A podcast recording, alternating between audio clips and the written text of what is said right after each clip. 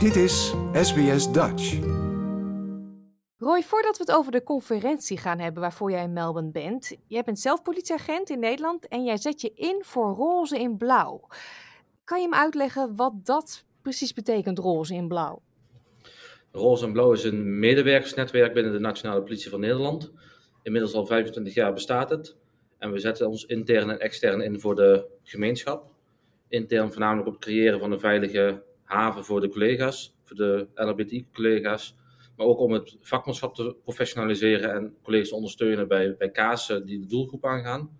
En extern om meer in verbinding te treden met de doelgroep, om zichtbaar aanwezig te zijn bij evenementen, om de meldersbereidheid um, te verhogen en de drempel om de politie te, te benaderen te verlagen eigenlijk.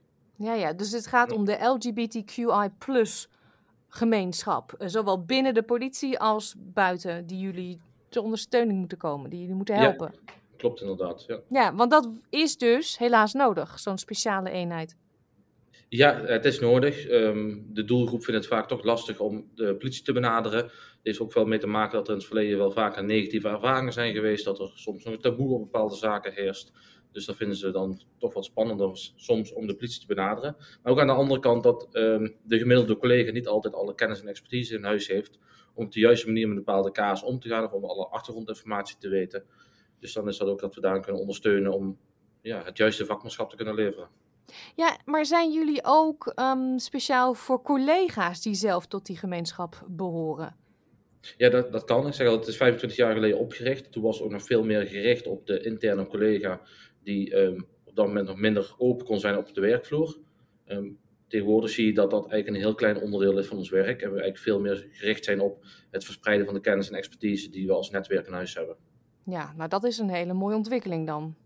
Zeker, ja. Dat het intern niet meer nodig is. Want je denkt toch, hè, politie, stoere mannen, vrouwen. En uh, in de sportwereld zie je vaak, voetbal bijvoorbeeld, dat het heel moeilijk is. Ja, klopt. Dat hoor je ook al vaker, dat de politie echt wel een mannen-macho cultuur heeft. En dat is echt wel door de afgelopen jaren aan het afnemen. En iedereen kan toch open zijn op zijn of haar werkplek. En loop je dan toch tegen problemen aan, dan gaan we daar samen kijken wat we erin kunnen betekenen. Ja. Nou was er in 2016 in Nederland voor het eerst een LGBTQI-conferentie georganiseerd door de Nederlandse politie. Mm -hmm. um, en die was dan speciaal voor mensen in het politievak en andere beroepen die te maken hebben met de wethandhaving eigenlijk. Klopt. Wat was destijds het doel van die conferentie? Dat had ermee te maken dat vanuit de Europese Unie de slachtofferrechten werden geïntroduceerd. Dus er werd een richtlijn opgesteld hoe landen, dus ook Nederland, om kan gaan met de rechten van de slachtoffers.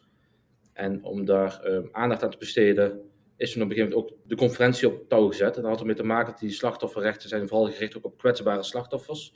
En de LHBTIQA gemeenschap wordt aangemerkt als een kwetsbare doelgroep, omdat ze toch vaker slachtoffer worden van criminaliteit. En op die manier is dat toen gecombineerd vanuit dat project om het invoeren van die slachtofferrechten, om dat te koppelen aan een conferentie. Ja, dus voorlichting. Ja, inderdaad. En uiteindelijk ook om kennis en ervaring met elkaar te kunnen delen, om best practices te kunnen delen en van, vooral van elkaar te kunnen leren en elkaar te kunnen inspireren. Hmm, ja. Waren er toen ook uh, al internationale eenheden die naar Nederland kwamen voor de conferentie? Ja, in 2016 zijn er volgens mij in 20 verschillende landen aanwezig geweest op de conferentie in Amsterdam. En daarnaast bestaat ook al de nodige jaren een Europees samenwerksverband van soortgelijke netwerken als, als Roze en Blauw, um, die ook kennis en ervaring met elkaar uitdelen. Ja, 2016 dus Nederland. In Canada was het in 2019. Dit jaar host Melbourne de conferentie. En daarom ben je dus ook hier in Australië. Geluksvogel, één van de vijf, hè? Ja, een van de vijf collega's inderdaad. Fantastische ervaring om ook hier te mogen zijn namens de nationale politie. En de politie hier te mogen vertegenwoordigen. Ja, in uniform. Ook dat, ja. We hebben het geluk dat wij inderdaad aanwezig mogen zijn in uniform. Dus we zetten in ons uniform in de conferentie...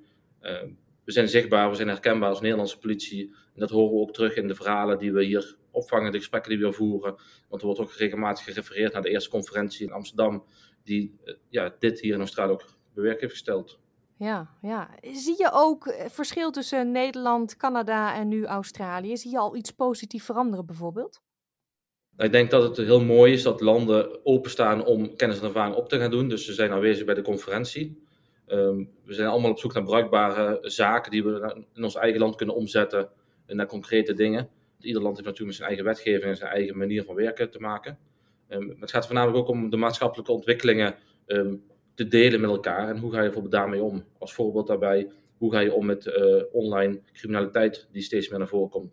Hoe ga je om met nieuwe termen, nieuwe vormen van genderidentiteit die in de maatschappij optreden? En om dat met elkaar te bespreken en daar weer het politiewerk te kunnen aanpassen. Ja, want daar hebben jullie als politie ook gewoon heel veel mee te maken. Zeker, ja.